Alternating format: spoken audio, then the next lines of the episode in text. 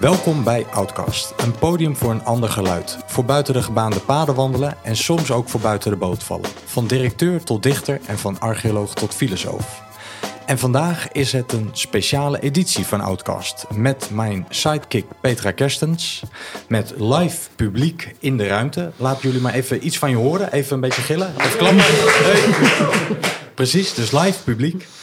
En ook live muziek van Maxime. Dat is een uh, Syrische vluchteling die precies vandaag één jaar in Nederland is. Hij is een asielzoeker en uh, samen met zijn oud is hij gevlucht uit Syrië. Heeft hij dat instrument helemaal hiermee naartoe genomen. Want hij was altijd van beroep uh, zanger.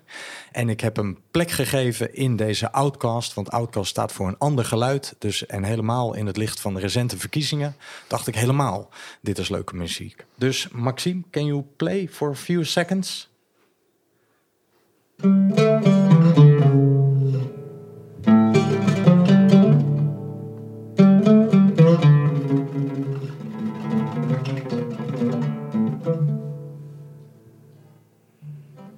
Nice, thank you. Nou, uh, straks horen jullie meer van uh, Maxime. En dan kom ik als laatste bij onze hoofdgast vandaag, Marijke Spanjersberg. Organisatieadviseur, systeemdenker, auteur van het boek Tussentaal. Onder andere van het boek Tussentaal, waar we het vandaag over gaan hebben. Ze wordt ook wel eens relatiewiskundige genoemd. Um, ja, en haar boek uh, Tussentaal geeft, is eigenlijk een dwarsboek wat te denken geeft. Dus ik hoop dat dit uh, dwarse boek ook tot een dwars gesprek vandaag uh, gaat leiden. En we af en toe een beetje op zijn tussentaals reflecteren. Maar ik vind het enorm leuk dat je hier bent. Want dit thema van ja, we zijn soms een beetje doorgeslagen in al die binnenkant om mensen te duiden wat er zich binnen in mensen afspeelt. Maar het ontbreekt ons soms aan taal om die relaties te laten praten en die te duiden met elkaar. Dus ik vind het heel erg leuk. Dankjewel voor de uitnodiging, ja, nou, je bent van harte welkom. Echt, ik, ik, kijk hier al een tijdje naar uit, zoals je weet. Dus ik vind het leuk om uh, zo samen met jou in gesprek te gaan... en het, uh, het boek eens even ruimhartig in de etalage te zetten. Maar vooral het onderwerp. Leuk. Marijke, wij kennen elkaar in die zin dat ik ook bij jou de leergang heb gevolgd. Maar toch ook even voor de luisteraar even setting the scene. Misschien, wat is tussentaal en waarom doet het ertoe? Uh, ja, wat is tussentaal? Um, nou, eigenlijk zou je kunnen zeggen dat, uh, of in ieder geval is het, uh, het boek begonnen met een soort verbazing over dat we zo heel veel uh, in mensentaal hebben. zo noem ik het dan maar. maar we, we vinden het eigenlijk heel um, vanzelfsprekend om te vragen: hoe gaat het met je? Hoe voel je je? Um, waar zit je weerstand? Waar zit je huiver? Uh, wat is je verlangen? En, en daar geven we eigenlijk best makkelijk antwoord op.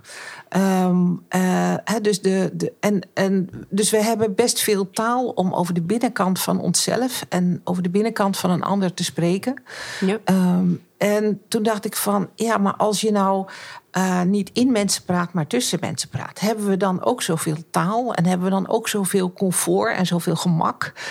Um, nou, en dat, dat was eigenlijk het begin van, um, van een zoektocht. En, en eerlijk gezegd ook wel iets van verontwaardiging. Dus, dus tussentaal is misschien ook wel uh, een antwoord niet alleen op verbazing, maar ook wel op de behoefte om ergens een streep te trekken.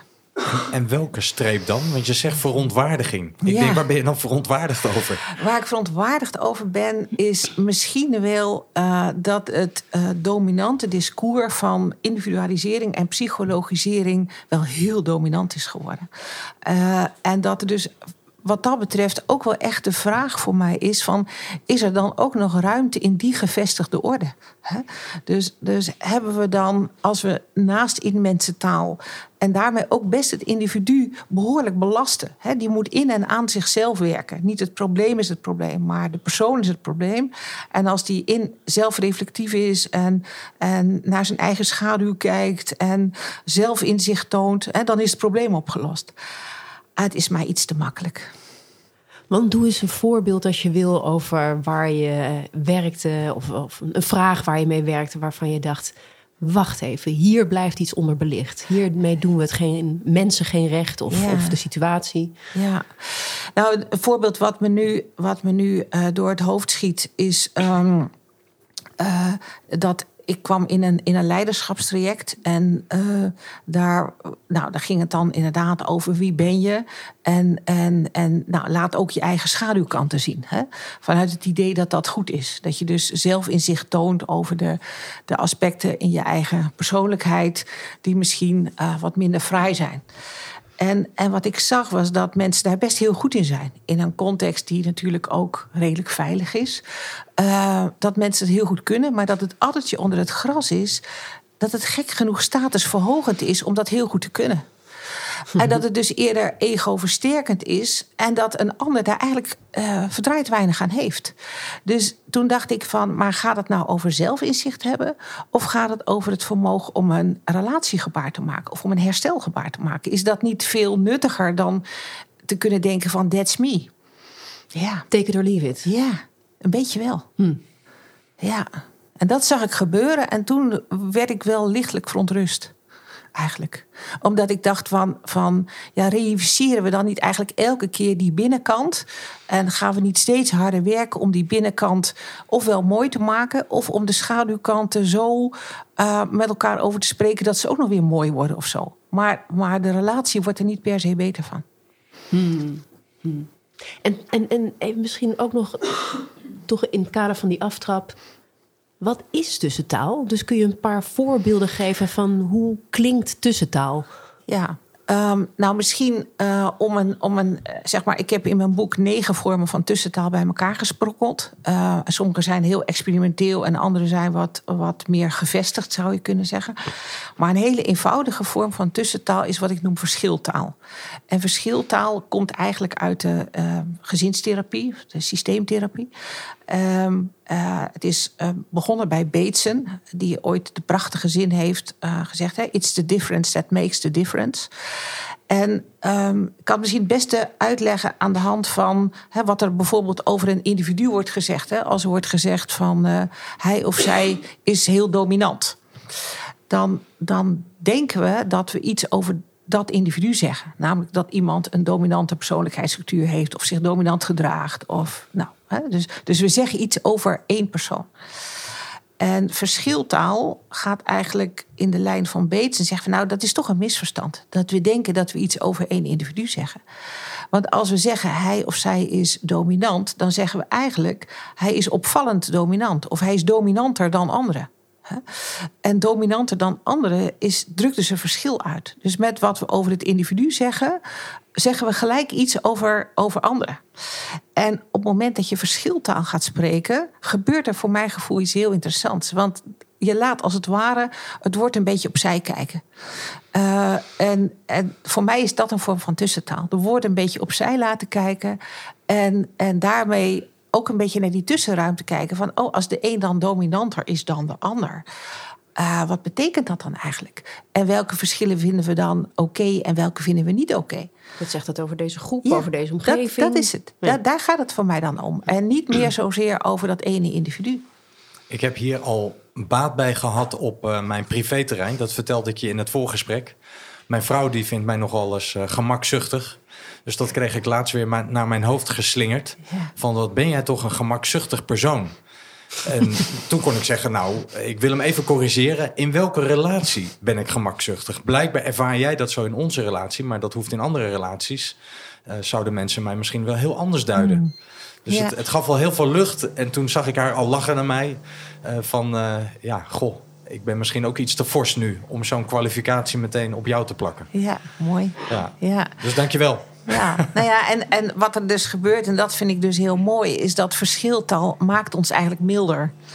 He, omdat je eigenlijk toch wordt uitgenodigd om de, om de ruimte tussen de een en de ander te gaan onderzoeken. Uh, in plaats van het oordeel over, over die ander. He? Dus ja. Nou, dat is een voorbeeld van ja, ja. Um, hoe ik. Um, nou, en dit is. He, en, en nogmaals, het is niet iets wat we heel makkelijk doen dus als je luistert naar de woorden die wij horen op het werk, dan hoor je toch veel um, kwalificaties over het individu en vrij weinig uh, verschiltaal. Ja, zeker. Hij heeft weerstand, hij is niet gemotiveerd, ja. Ja. Uh, ze zitten niet lekker in. Hij heeft een bord voor zijn kop. Oh, ook. zeker, ja. ja. En, misschien voordat we nog wat meer in het, in het thema duiken eh, je zei net al iets over hoe het een beetje bij jou geboren is, hè, dit thema. Kun je, kun je daar nog wat meer over vertellen? Over hoe is dit? Ja, dus we gaan nu niet helemaal in jou kijken, maar misschien Een beetje, klein een beetje. klein beetje. Oh jee, als, als je dat oké vindt, dat we er een beetje Ja. zo omheen bewegen. Van wa, wat maakt dat die fascinatie is gegroeid? Welke, nou, welke relaties zijn misschien ook wel voor jou van betekenis geweest in de groei van dit thema? Ehm, ja, het grappige is, ik ben van huis uit psycholoog. Dus ik ben, ik ben van huis uit eh, eh, ja, zeg maar opgeleid om eigenlijk in het individu te kijken. Ehm, maar ik- tijdens die studie had ik eigenlijk al heel snel in de gaten dat ik die, eh, die individuele hulpverlening, dat dat het niet voor mij was. En dat ik toch meer een soort fascinatie had voor ehm, ja, de mens in relatie tot anderen, in relatie tot de groep, in relatie tot een grotere omgeving. Ehm, dus, dus dat ben ik toen ook gaan doen. Ik ben cultuur- en godsdienstpsycholoog. En nou, dan kijk je eigenlijk, dan leer je eigenlijk onderzoeken wat is nou de, ehm, het, het effect van de relatie op het, op het individu. En wat ik zelf heel interessant vind, ik ben daar later ook op gepromoveerd, hè, op wat doet, wat doet de context met het vermogen om met conflicten om te gaan, bijvoorbeeld. Eh, en die context en die relaties die zijn heel belangrijk. En dat weten we eigenlijk wel. Ehm, maar tegelijkertijd negeren we dat feit ook heel vaak. Dus, dus in de psychologie leert iedereen volgens mij in week één wat de fundamentele attributiefout is. Namelijk dat we persoonlijkheid, karakter en competenties overschatten. En de invloed van relaties en context onderschatten. Als Ja. we kijken naar menselijk gedrag. Dat weet iedereen. Hoe komt dat trouwens? Ja, hoe komt En dat? waarom onderschatten we dat zo structureel? Ja, nou ja, ik denk dat het ergens een evolutionaire handigheid is. Hè? Better safe than sorry. Hè? Dus jij bent zo wegwezen. Hè? Dus dat is, ik denk dat dat echt wel een, eh, ooit handig is geweest in de evolutie. Om te overleven. Ja, eh, maar dat is een hypothese, dat weet ik niet. Eh, en dus dat is, dat is een meer, zeg maar, evolutionair psychologische hypothese. En de, en de andere hypothese die ik heb, is dat we toch ehm, in onze, eh, ja, zeg maar, deze tijd waarin we leven, op dit stuk van de aardbol. eh, en dat is natuurlijk helemaal niet, niet nieuw, dat is al heel vaak gezegd. Maar is toch het individualiserende en psychologiserende denken dominant. Dus, dus we eigenlijk zonder dat we ons ervan bewust zijn, ehm, ja, stappen we in die groef. Om, om een heel simpel voorbeeld van te geven, is dat ehm, een tijdje geleden las ik in de krant een eh, NRC-journaliste die op de A12 had gestaan en had geprotesteerd tegen de eh, fossiele subsidies. En, en zij beschreef de reacties van haar familie en haar vrienden. En ze kreeg best vaak de vraag van... eh, Renske, heb jij misschien een klimaatdepressie? en, en, en voor mij is dit een soort ja, bijna pars pro toto van wat er in de wereld aan de hand is. Hè, dus je, je maakt je ergens druk over. En vervolgens gaan mensen eigenlijk aan jou vragen: maar goh, heb, heb jij, is er aan jouw binnenkant niet iets mis? Hè? Eh, en dat vinden we eigenlijk heel gewoon. Nou, daar maak ik me eigenlijk best wel druk over. Ja, een beetje boos. Zo is het. Ja, Ja. het is nu afgelopen. Ja, nou ja, en dat is, dat is dus een andere vorm van, van tussentaal. Hè? Dat we dus eigenlijk in dat dominante discours het gewoon vinden dat we denken dat emoties ehm, eh, zich aan de binnenkant van mensen bevinden. Eh, en dat die dus iets, iets zeggen, iets uitdrukken over een innerlijke staat van zijn. Dus jouw boosheid zit in jou. En dat zegt iets over jou. Over jouw kwetsbaarheid, over jouw geraaktheid. En daar moet je iets mee. ja, en die moet je dan verwerken of een plek geven of weet Praten. ik veel. Hè? Ja, dan, maar in ieder geval heb jij daar iets in te doen. Hè? Eh, en ehm, eh, je zou kunnen zeggen dat je ook een hele andere manier hebt om eh, naar emoties te kijken. En, en dat is wat de, narratieven doen. Hè? Die zeggen emoties die zijn geen uitdrukking van een innerlijke staat van zijn, maar ze zijn intentioneel en relationeel. Dus, dus de boosheid zit niet in jou, maar, maar de boosheid wil door iemand eh, moet door iemand gehoord worden. De boosheid is voor iemand bedoeld. Dat is een soort boodschap. Ja, het is een mannetje boosheid die een ander eventjes tot, tot de orde wil roepen. Hè? En, en, en dus het is een, eigenlijk boosheid als een soort actor die, die zich wil manifesteren tussen de een en de ander. Ja. Ja, Ja. het is toch anders. Dus het patent ligt niet bij één persoon op emotie. Nee, nee. Nee, en het grappige is, kinderen kunnen dit heel goed. Hè? Dus als je aan kinderen vraagt van... Uh, wanneer komt uh, mannetje boosheid hier de boel weer verpesten... of uh, meisjes jaloezie of zo. Kinderen kunnen dit heel goed. Ja. En of ergens uh, ja. bang. Of, uh, ja. Ja, ja, ja. Dus, ja, dus, want wat zeggen ze dan? Nou, dat, dan, dan weten ze dat precies. Hè? Van nou, de mannetje boosheid komt de boel verstieren als ik naar bed moet terwijl ik het niet wil. Of, hè, dus, dus, dus er is een soort, of als mama boos is. Dus dan, dan gaat er eigenlijk direct iets gebeuren. En mag mannetje boosheid er altijd zijn? Of moet hij zich af en toe koest houden? Of hoe groot mag hij eigenlijk zijn? Of wil je hem een beetje kleiner hebben? Dus, dus het interessante is, kinderen kunnen dit van nature. Hm. En ik denk ergens als we er dan eh, volwassen worden, raken we dat vermogen een beetje kwijt, maar niet helemaal. Want op het moment dat je aan een bestuurder zou vragen: hè, van uh, nou, waar wil de bezorgdheid voor opkomen? Of waar wil, wil de bezorgdheid je voor waarschuwen? Dan weten mensen dat direct. Of voor wie is de bezorgdheid bedoeld? Ja. En wat hoop je dat ermee gebeurt? Ja. Dus, dus het, het is echt een, voor mijn gevoel iets wat best dichtbij ons zit, maar wat, we, wat een beetje onder het stof is geraakt. Enorm. Enorm, onder het stof nee, herken ik ook. ja. Ja. ja. En hoe spannend was dit dan om dit boek te schrijven? Want uh, het klinkt alsof je een motortje van binnen op een gegeven moment hebt mm. gevonden. Maar welke, wat had jij nodig om dit een stem te geven? Ik vond het heel spannend, omdat ik me ook realiseerde dat ik um, uh, iets op ging schrijven waar uh, heel veel mensen niet zo blij mee zijn.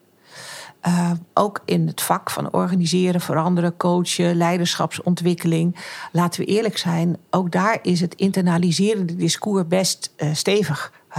Als je kijkt naar boeken ehm, die gepubliceerd worden, dan is het toch heel vaak gaat het over het bevorderen van intrinsieke motivatie, persoonlijke ontwikkeling, persoonlijk leiderschap, uh, geloven in jezelf, over moed, over weet ik veel wat allemaal. Al die, al die woorden die zeg maar, zeg maar, zich in iemand manifesteren. Mm. Ja, als ik er op mijn scherp zeg ik, het is ook een goed verdienmodel. Omdat, omdat de ideologie van zelfverbetering is natuurlijk eindeloos. Ja. Omdat? Nou, je kunt altijd aan jezelf blijven werken. Zeker weten.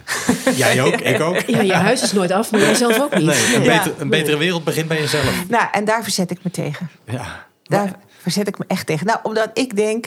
Uh, Wat is jouw slogan? Een betere wereld? Nou, ik denk, we hebben, geen, we hebben geen betere mensen nodig... maar we hebben betere relaties nodig. En het dus ik ben er vooral voor om menselijk tekort te omarmen... En, en dus niet, niet te denken van als jij nou aan jezelf prutst, dan wordt het beter. Maar als wij met elkaar prutsen, wordt het beter. Dat is wat ik denk. Kun je ons eens meenemen, als dat er geweest is, naar één gesprek tussen jou en, nou ja, of een bestuurder of een vakgenoot, waarin je dacht.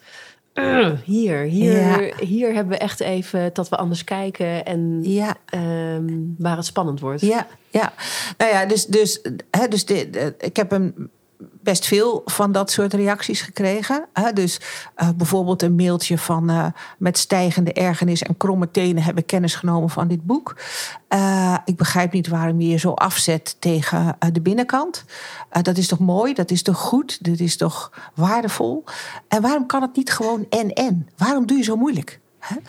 En dat heb ik mezelf ook afgevraagd. Waarom kan het nou niet en en? Waarom mhm. doe ik zo moeilijk? En kan het ook en en? Nou, dat vraag ik me af. Uh, dus ik, ik doe wel een poging hè, uh, om te denken, nou, waar kan het samen? Want het is natuurlijk zo, we kunnen niet zonder die binnenkant. En ook, ook als we bijvoorbeeld externaliserend over onze emoties spreken, natuurlijk, we voelen die emotie aan de binnenkant. Hè, dus het is ook een vorm van even je best doen om hem, om hem op een andere manier naar te kijken. Uh, dus ja, die binnenkant is, is, die is er. Ik vind hem eerlijk gezegd bij mijzelf niet zo heel interessant. Ja, je vertelt elke keer hetzelfde verhaal en dat is langzamerhand wel uitgebabbeld. Dus Zeker. Ik, hè, dus ik, ik hoef daar niet meer. Ja, eh, ik, ik weet je bent niet, uitgepraat met jezelf. Ik ben wel uitgepraat met mezelf, ja. En, en ik ook met, met het idee dat, dat uh, hè, ik, ik aan mijzelf dingen te verbeteren heb. Um, alsof ik dat in mijn eentje zou kunnen. Dat kan ik alleen maar met anderen of zo. Hè? Uh, dus nou ja, dus dat, dat, dat vind ik dan voor mezelf gewoon niet zo interessant. Maar goed, als andere mensen andere keuzes maken. ja, daar, hè, be my guest, bedoel, daar Ja. kan ik niet tegen zijn. Alleen wat het ingewikkelde is, is dat, ehm, en dat is eigenlijk de kritische vraag die ik opwerp, is van, kun je nou tegelijkertijd ehm, veel investeren in het individu? En in het idee dat iemand in en aan zichzelf te werken heeft. En, en tegelijkertijd niet op een soort, hè, dus, dus op maatschappelijk niveau, steeds maar weer de norm bevestigen dat, dat de persoon het probleem is. En dat we dus daarmee ook het individu enorm zwaar belasten. Want als er dus iets niet oké is, dan moet iemand aan zichzelf gaan werken als de oplossing voor het probleem. En, en dat vind ik er ingewikkeld aan. Dus, dus zolang je. Hè, dus het is een vrijwillige keuze om te denken: ik ga aan mijzelf werken. Maar tegelijkertijd is het ook bijna de norm. Ja. Ja, en waarmee we mensen eigenlijk onnodig zwaar belasten. Ja, dat is mijn Van de punt. probleem en de oplossing zit in jou. Ga Ja. jij maar met een coach praten. Ja. Ga jij maar met jezelf aan de slag. Kijk in de spiegel. Ja, Maar ondertussen kijkt de relatie niet in de spiegel. dat is het. Dat is het. En dat kom ik natuurlijk heel veel tegen. Hè? Dat het, dat het proble- probleem toch eigenlijk geïndividualiseerd wordt. Eh, en, en ook wel een beetje in stukjes wordt geknipt. Ehm, en dat dat zo gewoon wordt gevonden dat, dat we er ons niet meer over verbazen.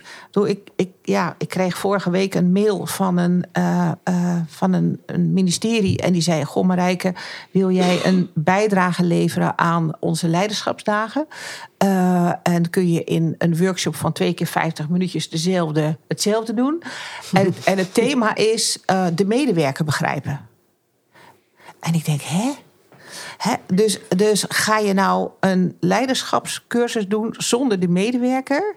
En moet de leider dan in en aan zichzelf iets leren over hoe hij de medewerker moet begrijpen zonder die medewerker in de ogen te kijken? En dan, en dan raak ik gewoon verstrikt. En dan denk ik, hè? Maar Wat moet kan ik hiermee? wat- Ja. hoe, kan ik dit, hoe kun je dit nou op het, op het. En het heet dus versterken van leiderschap. Terwijl ik denk, het gaat dus over het versterken van de relatie. Dus niet de leider moet op cursus, maar de relatie moet op cursus.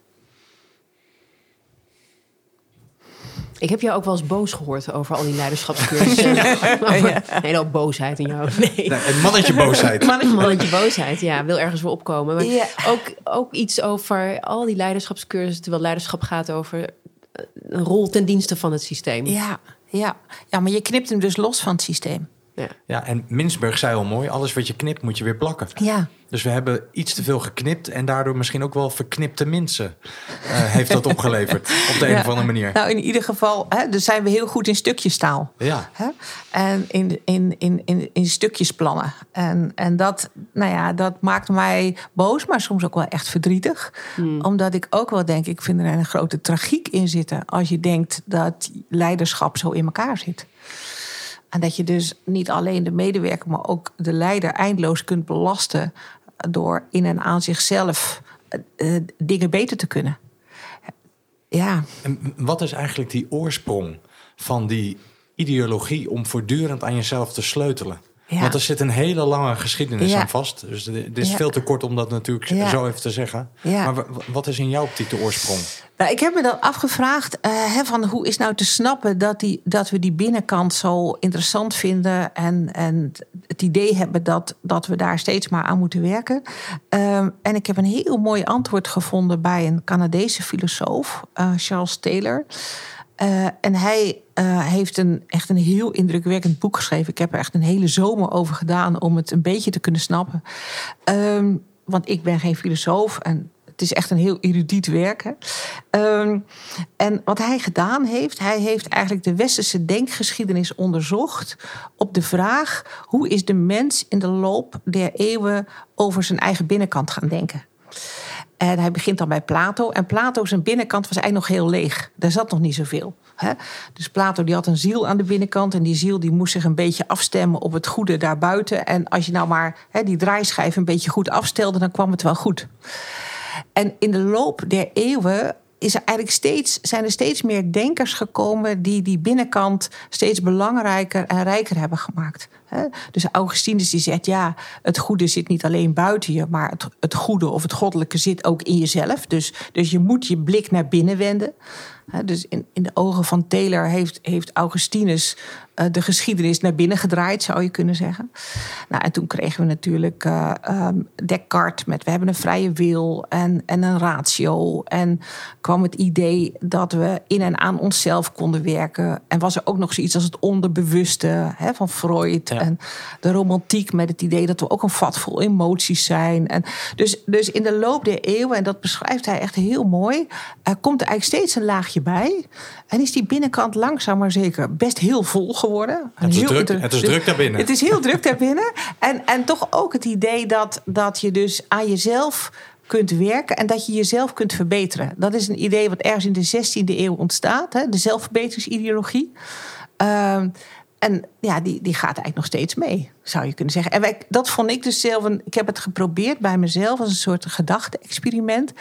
Kan ik nou nog over mijzelf denken alsof ik Plato was? Alsof ik een lege binnenkant heb? Ik kan het bijna niet meer. Ik kan me er heel weinig bij voorstellen. Dus dat vind ik heel fascinerend. Ja, we zijn gehersenspoeld of we zijn zo gevoed. Ja. Ja. Dat, we, dat we daar niet meer los van kunnen komen. Ja. En, en dat vind ik dus dat, dat Tele dat heel mooi beschrijft. Dat hij zegt van hè, de, de, de leek in ons, die, die, kan, die, die kan bijna niet meer voelen dat hoe wij over onszelf denken, dat dat een construct is van 23 eeuwen denk, denkwerk. Het is zo robuust dat we gewoon denken dat dat waar is. Ja. En, en waag het niet om dat te betwisten. Ja, dat is en dat doe je toch met je boek. Nou ja, en dat is ook de, dus, dus waar, waar het ook spannend wordt.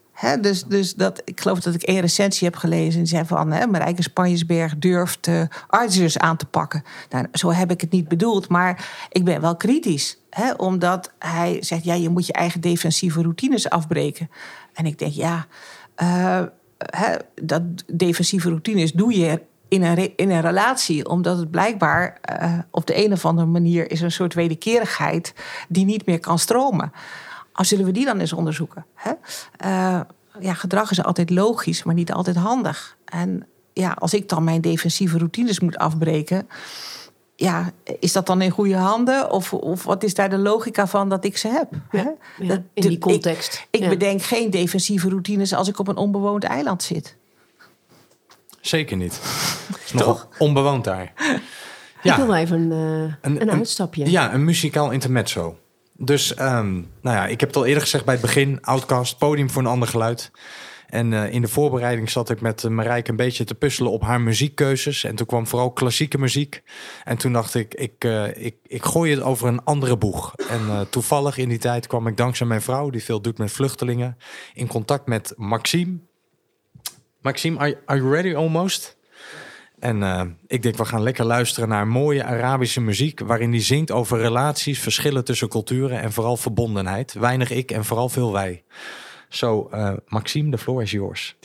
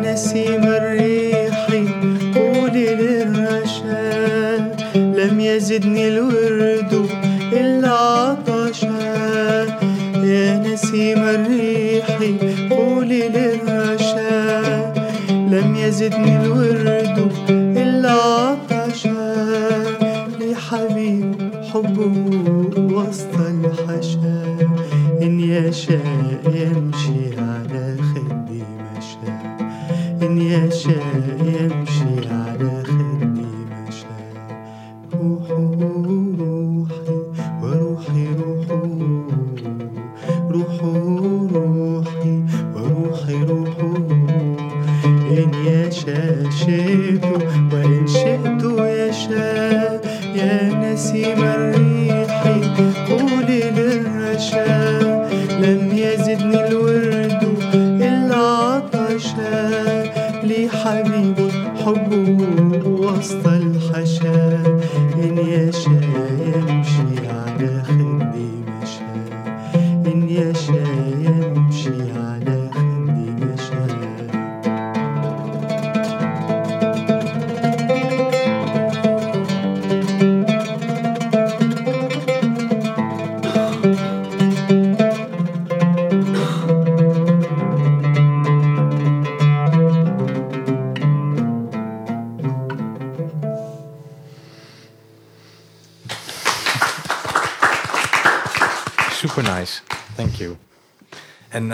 speelt dus op een oud, of oet. Hij speelt op een ja. oet.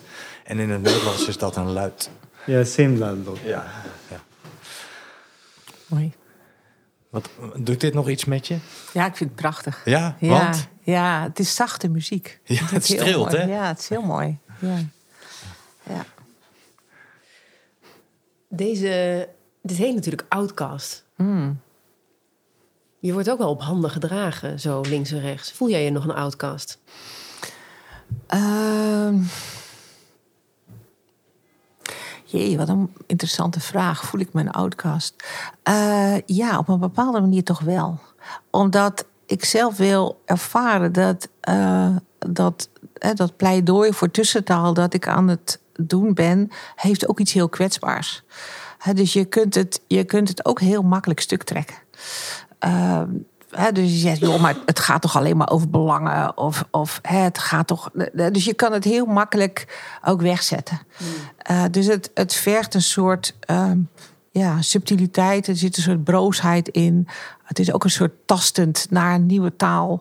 eh, waarvan ik natuurlijk ook heel vaak niet zeker weet of ik het nou hè, bij het rechte eind heb. Eh, wat ik bij elkaar gesprokkeld heb, is, is een begin. Hè? Ehm, en, en ja, ik voel me ook wel iemand die dan toch die steen, steen in die vijver gooit. En ik, ik wil helemaal mensen niet boos maken, maar ik zie wel dat het het effect is. Ja. Dat het toch gebeurt. ja. Ja. En ik wil natuurlijk niet splitsen, want dat is natuurlijk het laatste wat we willen. Hè? Met fans en mensen die denken, nou ja, weet je, dat is, dat is niks. Ja, Ja. dat is niet. En, en hè, je vroeg net van, of jullie vroegen net van, kan het niet gewoon en-en? Hè? Eh, en nou, mijn, mijn neiging is om te zeggen, natuurlijk kan het en-en. Ja? En, maar ik ben er verder over gaan nadenken. En ik, ik denk toch dat het iets te makkelijk is om te zeggen, natuurlijk kan het en-en. Het, het, het, het internaliserende paradigma is drie- 23 eeuwen oud. Ehm, en, en dit is veel experimenteler, veel, veel nieuwer nog eigenlijk. Het heeft oude wortels, maar ergens is het ook gewoon ja, zoeken nog. Hè? En, en er zitten echt hele andere aannames in eh, over hoe taal werkt en over eh, hoe, hoe relaties werken. En eh, wat, het, wat het belang is van het relationele ten opzichte van het individuele. Dus het is echt heel anders. Ja. Ja, ik merk dat ik ook die soort van eh, drempel voel. Hè? Zo Van, kan het niet en, en. En Ja. het voerde mij ook zelfs terug naar mijn studietijd. eh, Ja. Toen ik interdisciplinaire sociale wetenschappen studeerde. Want ik wilde niet alleen sociologie en Mhm. ook niet alleen psychologie... en ook niet alleen eh, economie. Dus het moest er een beetje tussenin. En Toen kwam ook, niet om dat nu helemaal een, een, een uiteenzetting van, van een theorie te doen. Maar ik weet nog dat we het toen hadden over Giddens met zijn structure agency theorie. Waarbij het gaat over die interactie tussen de structuur en de agent. En hoe die elkaar beïnvloeden. Dus ik merk ook dat ik denk, ja, het gaat toch over en en. Het gaat over die in relatie tot elkaar zien. Ehm, maar ook wel over die agent. Want de ene agent reageert in dezelfde context zo. En de andere reageert in dezelfde context zo. Dus het zegt altijd iets over de context en iets over Ja, dat individu. ja. en dat, dat denk ik ook. Nou, jij weer. Ja, nou ik weer. ja. Oké, nee, dat denk ik ook. Hè. Dus, dus het relationele ontstaat natuurlijk bestaat bij de gratie van het feit dat er ook twee individuen zijn. Hè. Dus er zitten aan twee kanten zitten de mensen vast die samen het relationele maken. Natuurlijk. En die doen er allebei duiten in zakjes. En dat, en dat maakt dat er iets relationeels ontstaat. Dat is sowieso waar. Waar die denk ik voor mij wel het meeste schuurt, is dat het, ehm, het individuele paradigma eh, is eh, het eigenlijk een vorm van lineair denken. Hè? Eh, jij bent zo geworden. Hè? Dus het verleden zegt iets over hoe jij je nu gedraagt of hoe jij geworden bent. En, en, in, en misschien moeten daar ook wel dingen in gerepareerd worden. Hè? Eh, het idee dat je eh, ergens beschadigd bent of tekortgekomen bent, of niet volledig tot bloei bent gekomen, of nou, Niet veilig gehecht. niet veilig gehecht, zou zomaar kunnen. Hè? Dus, dus dat, er, dat er ergens in dat ontwikkelingsproces van jou als mens ergens iets niet helemaal goed is gegaan. En, en dat het dus zin heeft om, om naar dat verleden te kijken en om te kijken of je daar nog weer iets in kunt helen. En, ehm, en wat ik. En, en als ik kijk naar wat ik probeer met tussentaal te doen, is dat ik zeg: we hebben het verleden niet nodig om te kunnen kijken naar wat er zich hier en nu tussen ons afspeelt. En dus we kijken gewoon eigenlijk veel meer circulair kausaal dan lineair kausaal. Hè. Dus we kijken van wat is het soort interactie dat zich tussen ons manifesteert. En het zou best kunnen rond zijn. rond? Het gaat rond Ja. en we bouwen samen iets. En, en hoe belangstellender jij bent, hoe enthousiaster ik word. En hoe enthousiaster ik word, hoe, hoe meer er weer resoneert. Dus, dus dan, dan bouwen we samen iets. Eh, en en ehm, wat ik het ingewikkelde vind van dat lineair causale redeneren, is dat het on, onvermijdelijk dan over oorzaak en schuld gaat. Er is iets misgegaan. Er heeft dus iemand schuld. Eh, eh, eh, en er moet dus iets worden rechtgezet. Dus, dus er is de oorzaak van het probleem. En zodra we het over oorzaken gaan hebben, hebben we het over schuld. Want er zijn geen losse problemen, er zijn geen losse oorzaken. Er zitten altijd mensen vast aan oorzaken. En, en daar zit misschien voor mij wel het, het, het meest fundamentele waar ik me ook druk over maak. Eh, Denk in termen van oorzaak en schuld.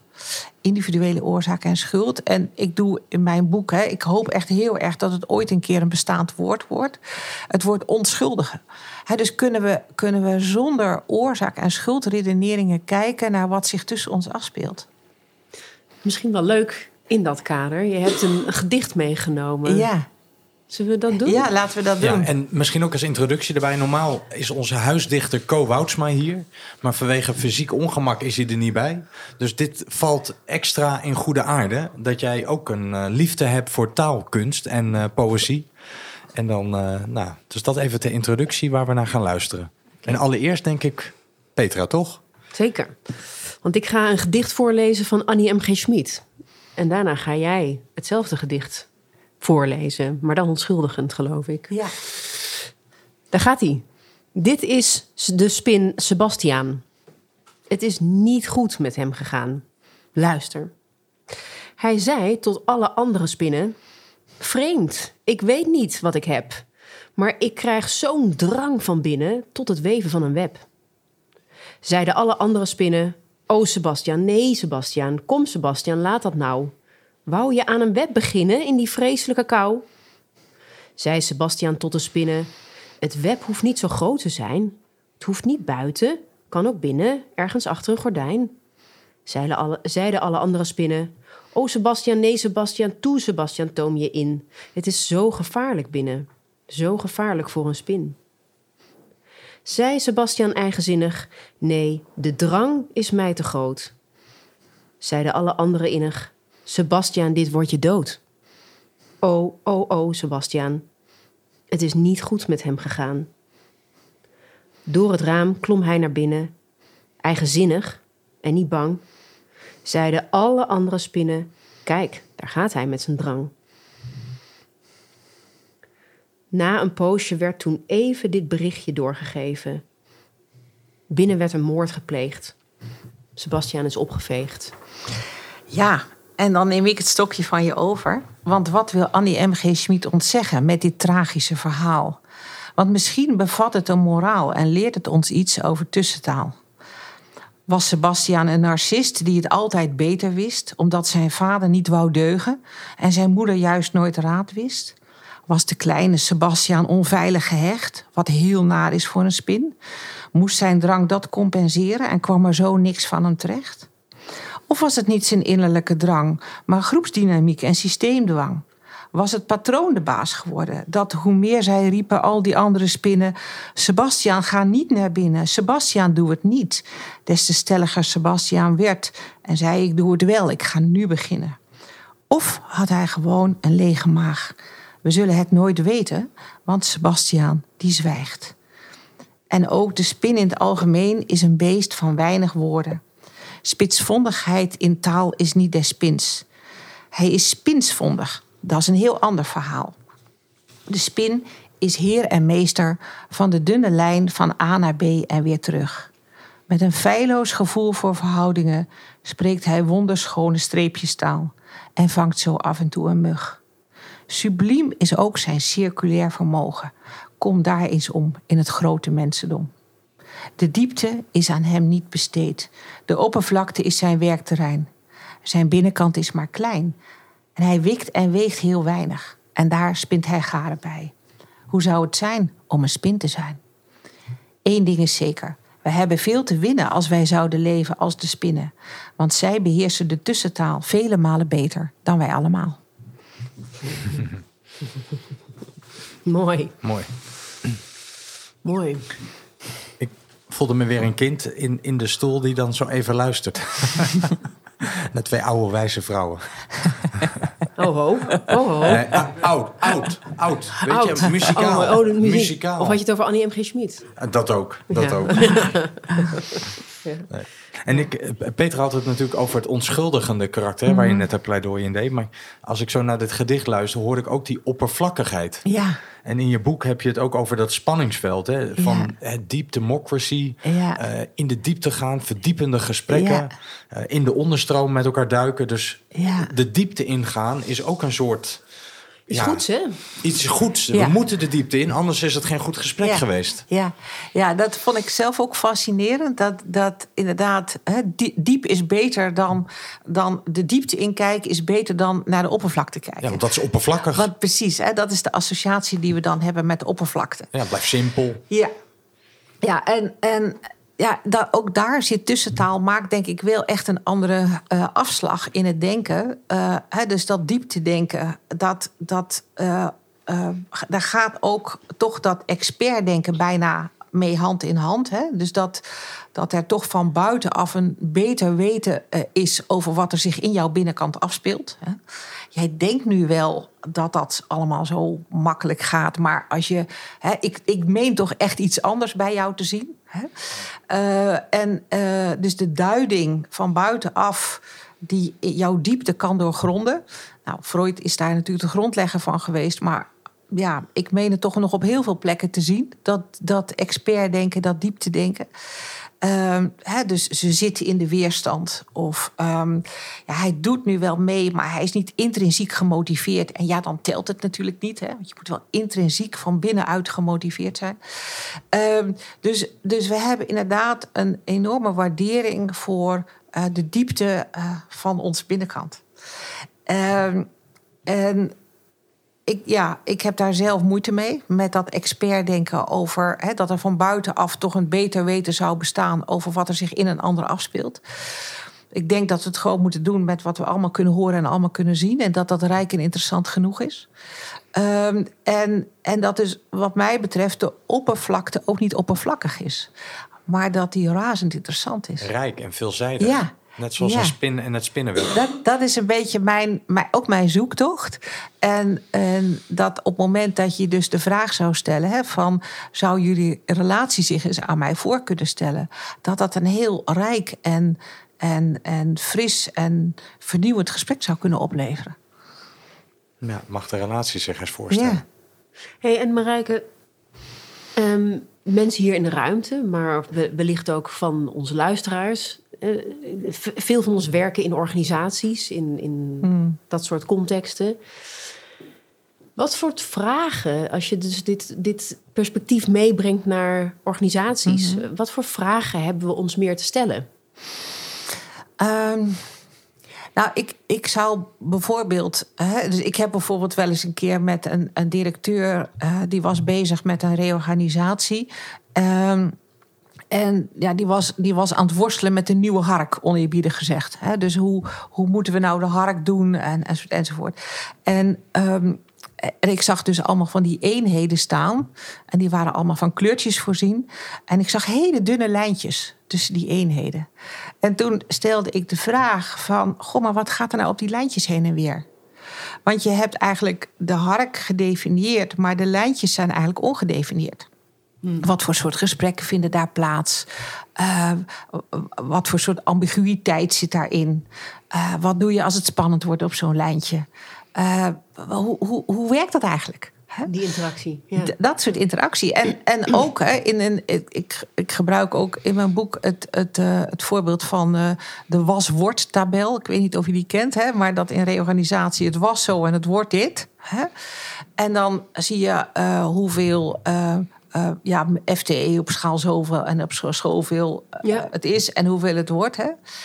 En wat eigenlijk nooit zichtbaar is, is wat het betekent voor het relationele weefsel.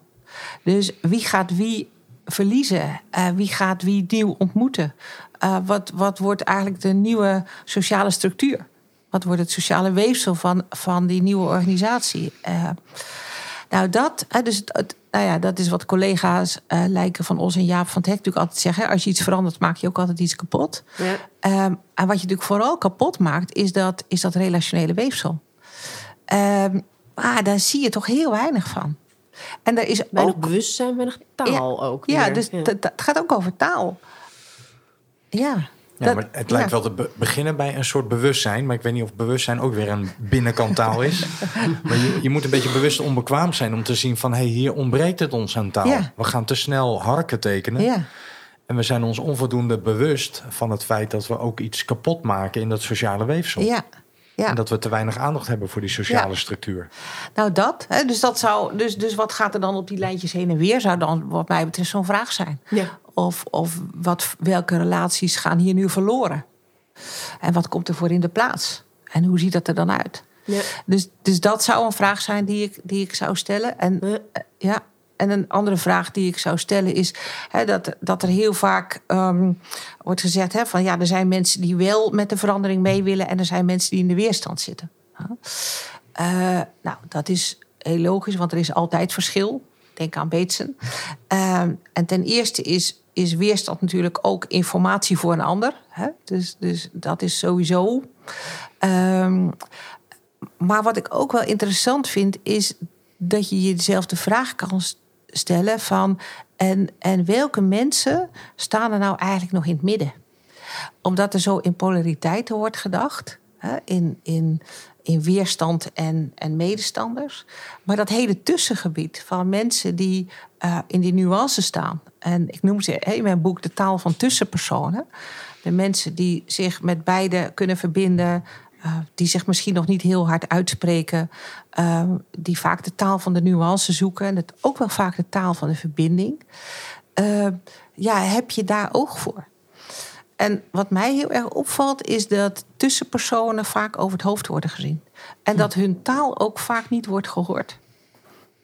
Dat zijn de outcasts in de organisatie. Een beetje wel. Ja. Ja, een Ze beetje vallen wel. een beetje buiten de boot. Ja, ja, omdat het vaak mensen zijn die zeggen van ja, je moet mij geen kartrekker maken en ik heb niet zo'n uitgesproken visie. Of eh, Het zijn ook niet de grootste mm, vocaal Nee. tegen. Nee. nee. Nee, maar ze hebben een heel. Ik heb een klein onderzoekje gedaan naar hun taal. Dus die taal van die mensen die op zo'n, op zo'n tussenplek staan. Eh, en, en ze hebben een heel interessant taalrepertoire. Wat heel erg gaat over wel, wel de feiten benoemen, maar zonder ze uit te vergroten. En het steeds eigenlijk ook relationeel te maken. Eh, dus die doen iets heel interessants, maar ze worden, ze worden vaak over het hoofd gezien. Dus ik zou ook vragen van wie zijn hier de tussenpersonen?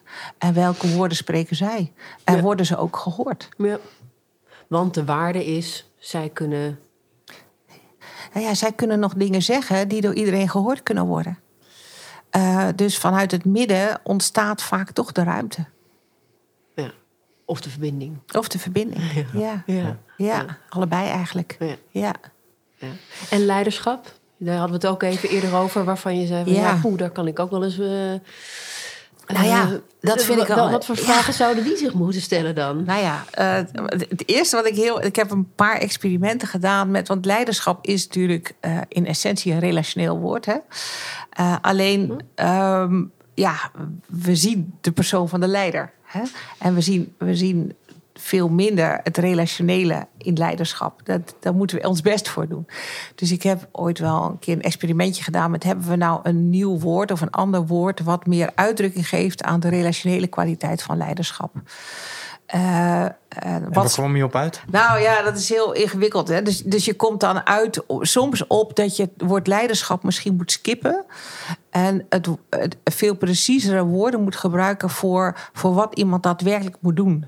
Dus is iemand dirigent, of is iemand voorzitter, of is iemand spoorzoeker, of is iemand regisseur. Ja, je of geeft het eigenlijk een rolduiding. Ja.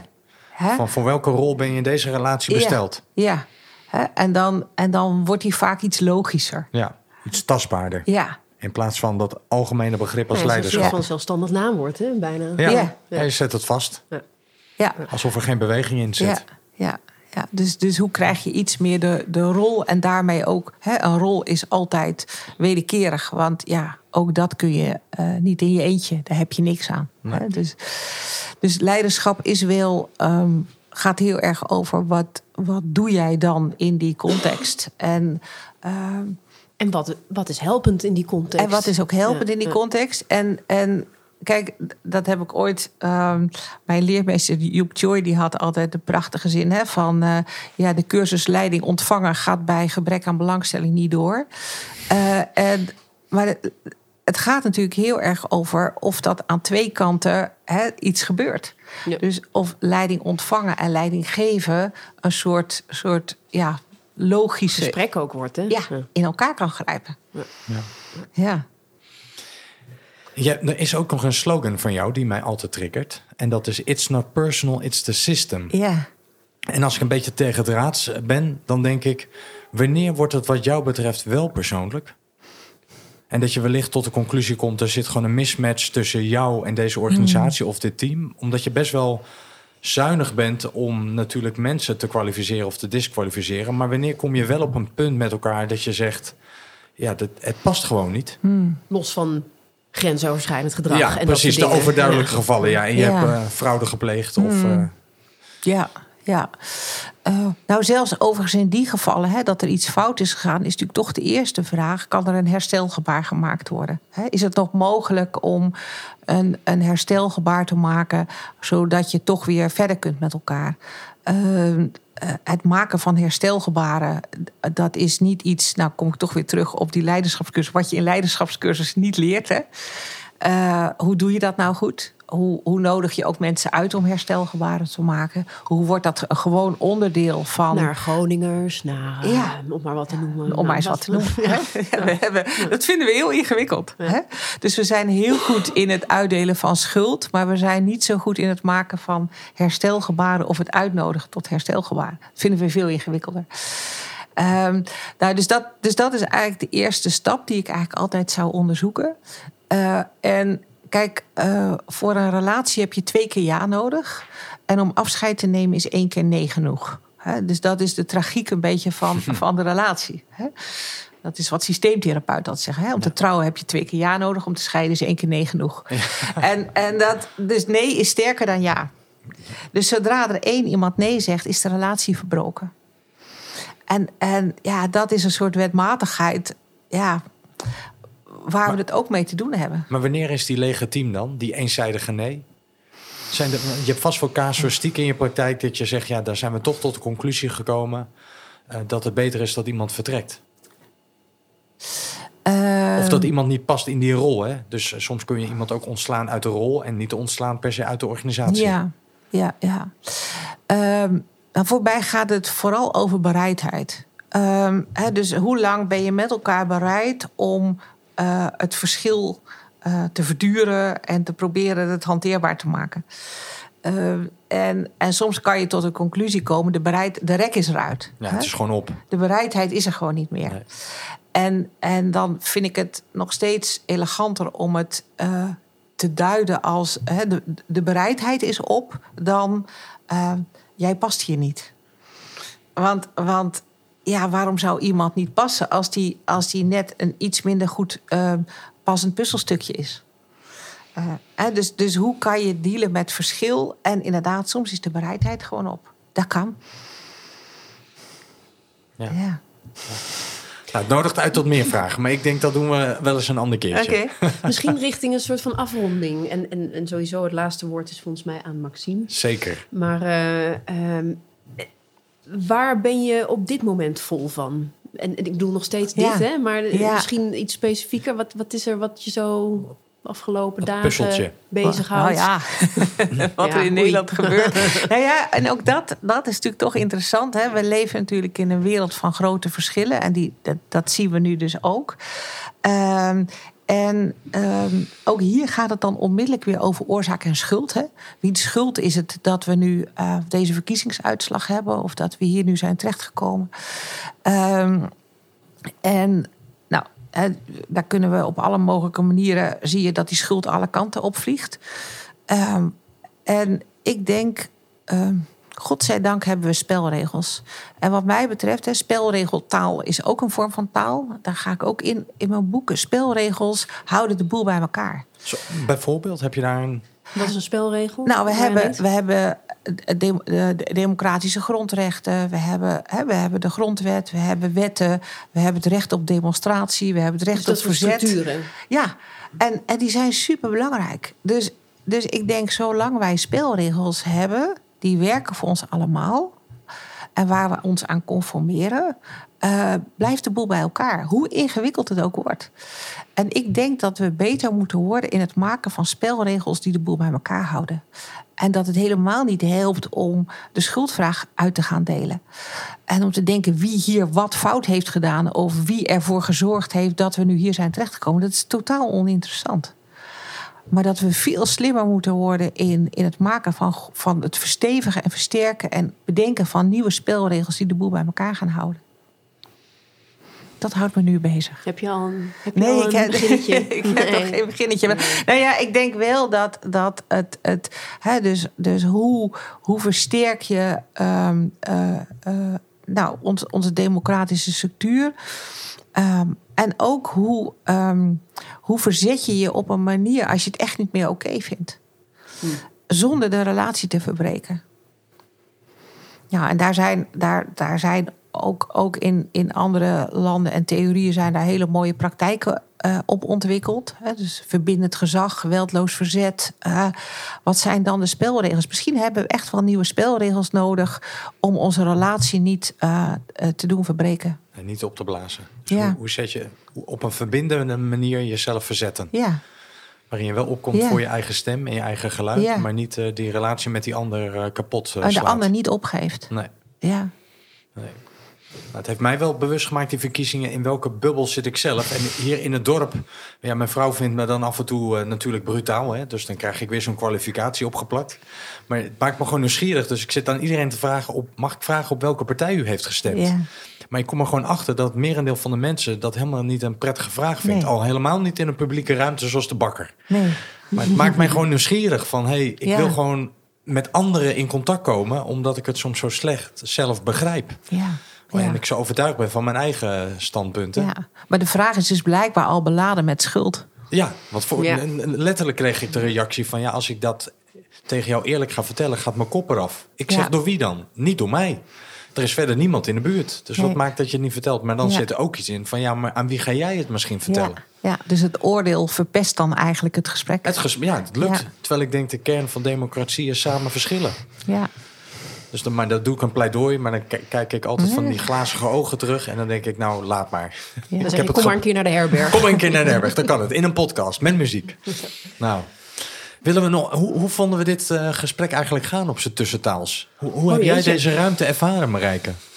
Ehm, Als, je, als we de relatie nu zouden moeten voorstellen. Ja, ja. Nou, wat, wat ik denk dat wat hier in het midden heeft gelegen is eh, eh, een heel uitnodigend, onderzoekend gesprek over. ehm, ja, toch dat hele, ja, dat hele broze begrip van tussentaal. Dus ik vond het, ik vond het eh, dus de, ja, de broosheid, de nieuwsgierigheid en de openheid, die heeft hier wat mij betreft tussen ons ingelegen. En, nou, mooi. En voor jou, Petra? Hoe eh, duid jij ja, het? eens. Ehm, eh, dus ik, eh, die vraag over Outcast, die, waardoor jij ook even moest nadenken, die Mm. blijft me wel bij. En ook vooral jouw antwoord daarin. Nou, het, is, het voelt ook wel heel kwetsbaar. Ja. Ja. Ja, dat kan me heel goed voorstellen. Maar des te mooier. Ja. Ja, het wa- was aftastend, vond ik het ook. En zoekend. Van, hey, eh, en, en ook bij mezelf. Of nou, dan ga ik toch weer over mijn eigen binnenkant praten. Heb ik helemaal geen zin in. dus ik hou het bij aftastend en, en zoekend. Nou, en ehm, heb je nog een laatste slotwoord of slotoproep aan de luisteraar... voordat we gaan afronden met elkaar? Ja, dat weet ik eigenlijk niet. Ik, ik hoop eigenlijk heel erg dat, dat, eh, eh, dat dit soort gesprekken ehm, ja, inspireren om ja, dit gesprek op de een of andere manier voor te gaan zetten en, en te blijven zoeken naar, naar taal die ons verbindt. Ja, ja. mooi. Dankjewel.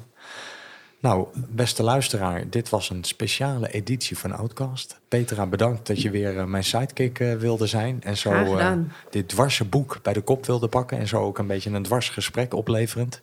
Marijke, jij bedankt dat je te gast wilde zijn na al die tijd dat ik pogingen heb gedaan. Dat het toch eindelijk is gelukt om jou als spinnetje te strikken in mijn web. Dus Heel het is graag dan, gedaan. Ja, het is dan eindelijk gelukt. Dus ik vond het heel erg leuk om bij jouw eh, nou, hele relevante boek Tussentaal stil te staan. En ehm, ja, het laatste woord van vandaag. En eh, luisteraar, nogmaals bedankt voor het luisteren. Heel graag tot een volgende eh, speciale editie of een normale editie van Outcast. En nu als laatste Maxime en zijn prachtige muziek. Dankjewel.